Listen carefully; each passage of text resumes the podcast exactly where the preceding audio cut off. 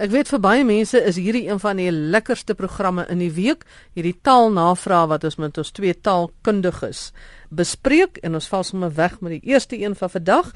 Daar uit Belwel uit Gideon wat wil weet wat beteken belhamel of wat het dit oorspronklik beteken?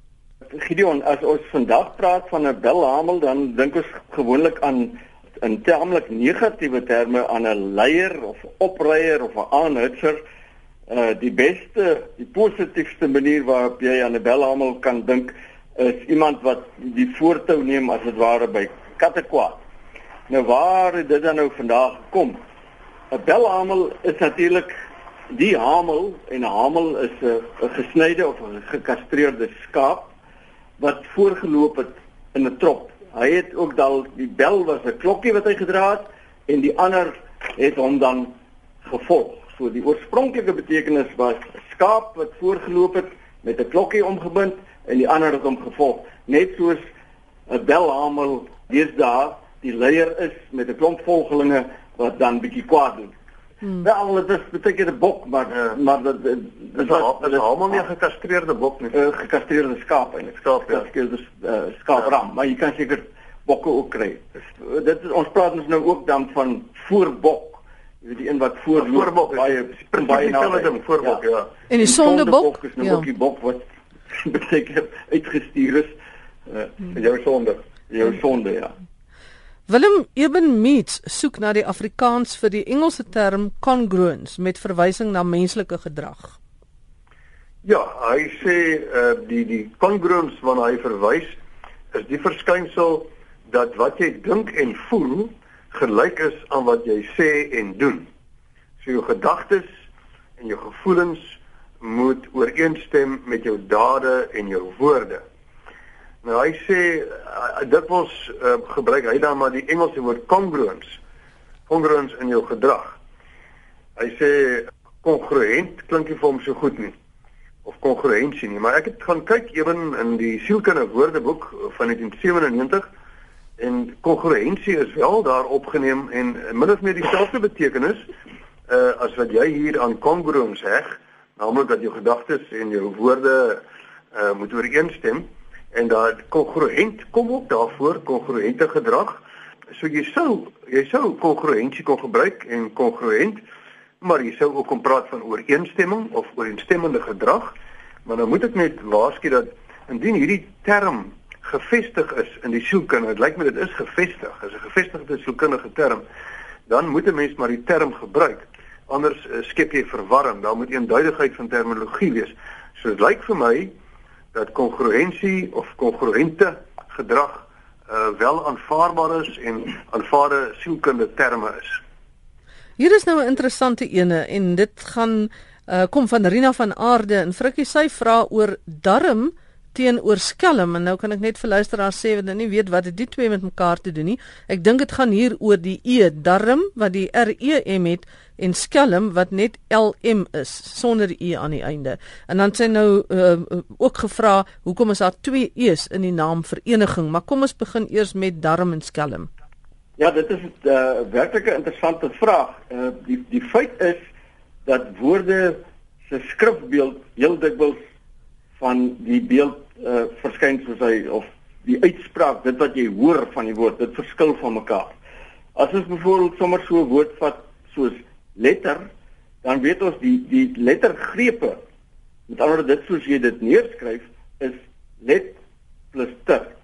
Maar as ons dit sou uitspreek, die klankgrepe of die silabegreep is dan letter. Ehm um, en in hierdie geval sit ons met woorde soos wurm wat jy uitspreek met asof daar 'n e klank is wat deur 'n e voorgestel sal word of swerm of derm of kerm jy spreek dit uit. Daar jy mens hoor daar is 'n e klank in die sogenaamde swak klank. Maar hulle word sonder hom geskryf. Hoekom? Waarskynlik maar omdat ons dit net so oorgeneem het min of meer met baie geringe aanpassing uit die brontaal uit, naamlik Nederlands. Wurm kom byvoorbeeld van die uh, Middelnederlands alweer worm, W O R M. Darm kom uit Nederlands darm, D A R M en kerm kerm die werkwoord kerm kom uit kermin, nie kermin nie. Nou hoe werk dit dan nou by darm? In die geval sit ons hier met 'n verswakte vorm uh meestal met 'n modale funksie met 'n funksie waar daar feitelikheid of 'n wens of 'n vermoede of 'n moontlikheid uitgedruk word.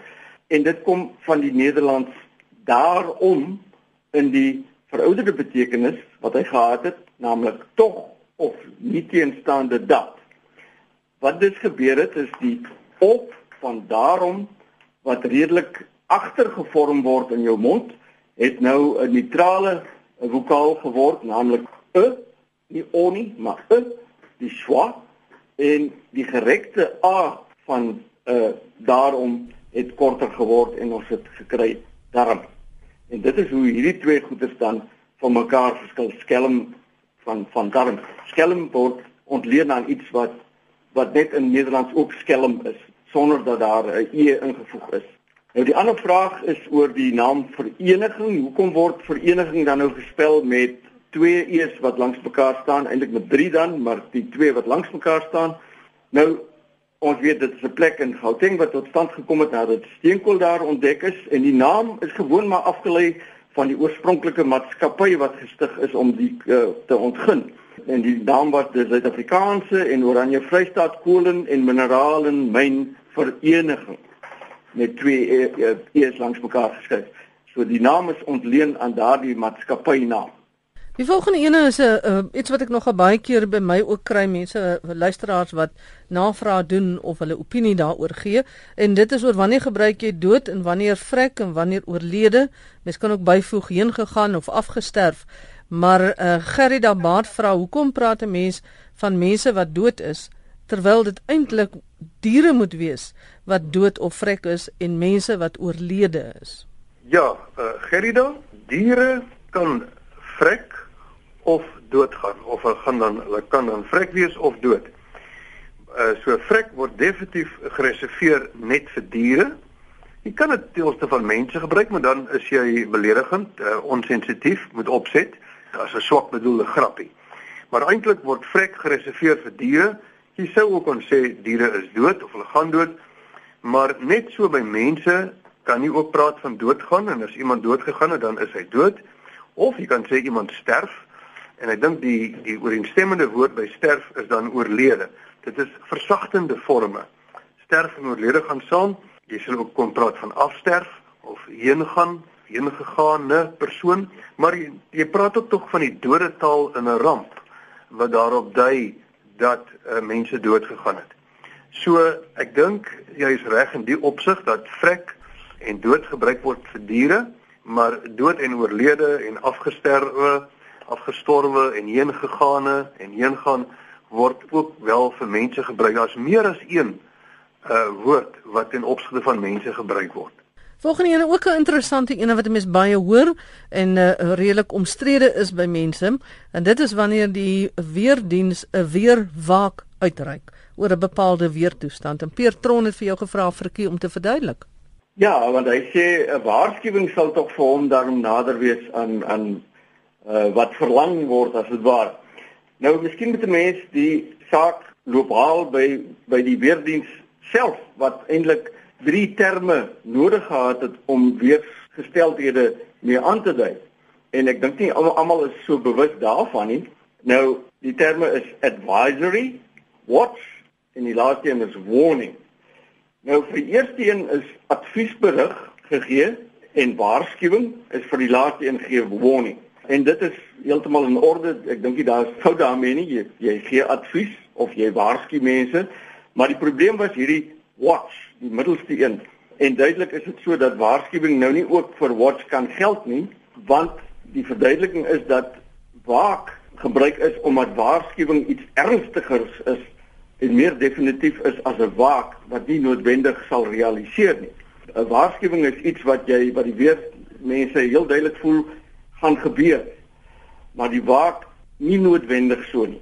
Ek het uh, twee mense en ek gaan nou nie hulle name noem nie, maar hulle is albei gurus wat die taal betref en hulle het effens uiteenlopende standpunte hieroor.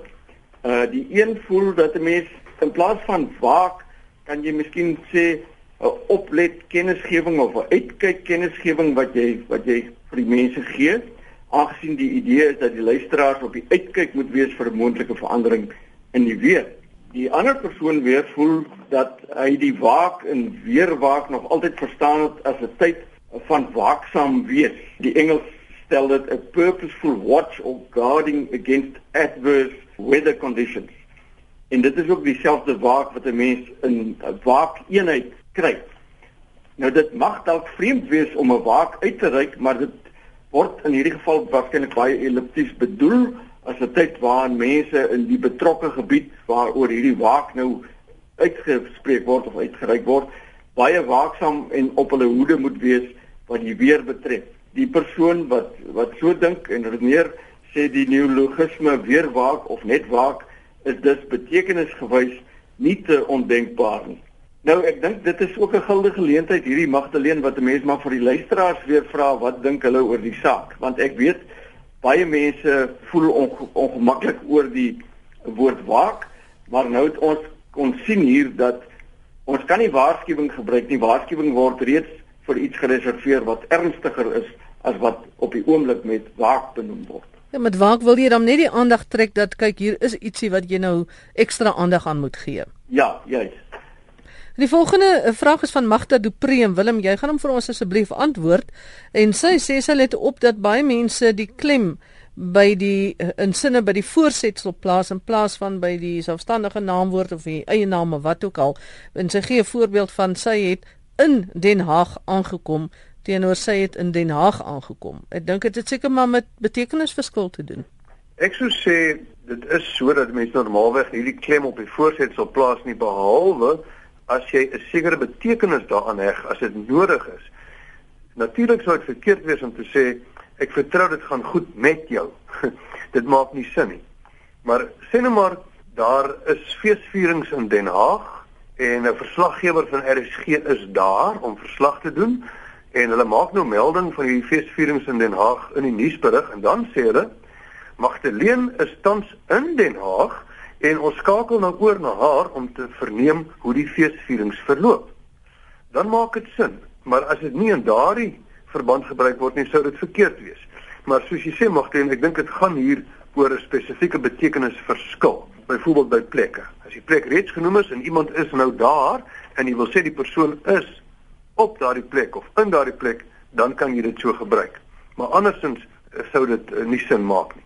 Sy praat ook van uh, iets anders hier en dit is die klemplasing onderwys en handhaaf in plaas van onderwys en handhaaf. Maar sover ek weet is onderwys nie noodwendig verkeerd nie. Ja, die erkende standaard uitspraak is onderwys en handhaaf. Maar 'n baie groot groep Afrikaanssprekendes praat nou alreeds vir baie jare van onderwys en handhaaf. En as 'n groot getal sprekers, ek dink ons kan dalk hier praat van ten minste die helfte van die Afrikaanssprekendes so praat en oor 'n baie lang tyd, dan moet 'n mens begin wonder of ons nie hier met 'n wisseluitspraak te maak het nie. So ek dink in die toekoms sal daar miskien uh, meer erkenning hier aangegee word. Soos ek sê, die gebruik van 'n uitspraak of 'n woord of 'n uitdrukking maak dat hy gevestig is in 'n taal en as jy 'n groot groep sprekers het wat oor 'n lang tyd sekere uitspraak handhaaf, dan het jy te doen met 'n wisseluitspraak. O, ek onthou ek op skool by redenaarskompetisies dan verskriklik moes oefen om nie handhaaf te sê nie, want ek hmm. het ek het gereeld gepraat van handhaaf en dan is ek aangepraat daaroor en vandag is dit nou iets wat as ek dit hoor dan trek dit ekstra aandag by my. Ludwig Visser wil weet frikkie waar kom die woord verkrag vandaan en hoekom dit gebruik word vir ontering of onteer? Ja, Ludwig sê uh, hy voel in die woord verkrag sien hy nie lekker die betekenis van seksuele uh, molestering nie. Hy sê die Duitse woord vir verkrag is vergewaltigen en dit sê vir hom daar is geweld in die daad gebruik. Iemand is met geweld oorrompel maar nie verkrag nie. Hoe werk dit dan nou dat verkrag daardie betekenis gekry het? Nou Ludwig ja, die die Nederland ken verkrachting alreeds lank, maar hulle gebruik eerder onteeren. In Afrikaans is onteer beteken ook verkrag, maar verkrag is natuurlik maar net die uh meer gebruikelike een. Die probleem is met onteer is dat hy ook meer as een betekenis het. Jy kan iemand onteer met ander maar net die eer van iemand wegneem. Jy kan ook 'n check onteer. Dit beteken jy deshonoreer die check. Maar kom ons kyk nou maar na hierdie verkrachting want dit is heel interessant. Die vir in verkrag beteken oorgaan in die hande van 'n ander. As iemand verkrag, dan het hy die krag as dit ware oorgeneem en met daardie krag wat hy nou het, die ander een is amper in sy mag, pleeg hy dan nou hierdie verfoeilike daad.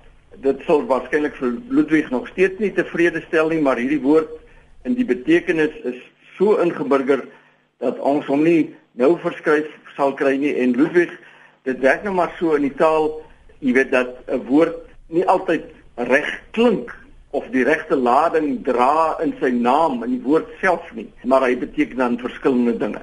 Dit is nou maar eenvoudig so taal en woorde werk Willem Knormoer is die woord wat na jou kant toe kom. Dis eintlik iets wat Magrita Ferreira gestuur het en wat sy graag wil deel met ons. Ja, Marita sê sy moes nou onlangs daar by die privaat skool op Pietermaritzburg Bay sy gevra om Afrikaans te doseer. Alhoewel sy nie Afrikaans onderwyseres is nie, maar wel sekere kwalifikasies in Afrikaans het. En sy kry dit nou 'n klas met hoofsaaklik Engelssprekende leerders met 'n wisselende graad van bevoegdheid in Afrikaans. Sy het toe gedink een ding wat interessant vir hulle sou wees is indien sy hulle sou bekendstel in 'n paar lekker onbekende Afrikaanse woorde, interessante woorde en sy het toe 'n aantal woorde met hulle behandel en elkeen moes toe vyf woorde kies en daarmee sinne maak, die ou oefening, né? En een leerling kies toe die woord knormoer en hy maak die volgende sin. My motorfiets se knormoer was stikkend en toe moes ek die skopmoer gebruik. nou ek dink dis besonder kreatiewe uh, taalgebruik want hy moes toe oorgaan tot die ou erkende skopaksie om 'n elektroniese ontsteking nie wil werk nie. Ek wil net sê dat daar's baie wat verwarring rondom knormoer. Knormoer is 'n skertsende benaming vir 'n aansitter. Dit is nooit bedoel om die standaard ernstige korrekte woord in Afrikaans te wees vir 'n starter nie.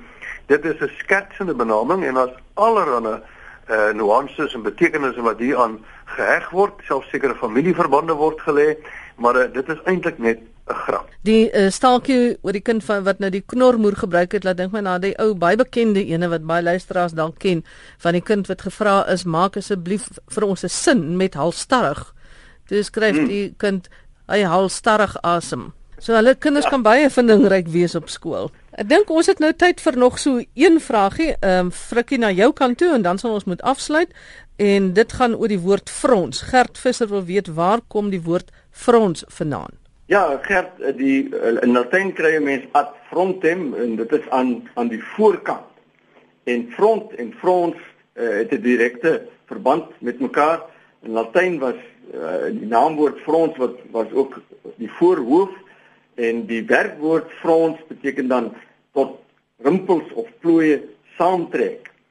En wat dan baie interessant is is dat 'n uh, woord soos afronteer konfronteer en frons, hulle is direkte familie met mekaar.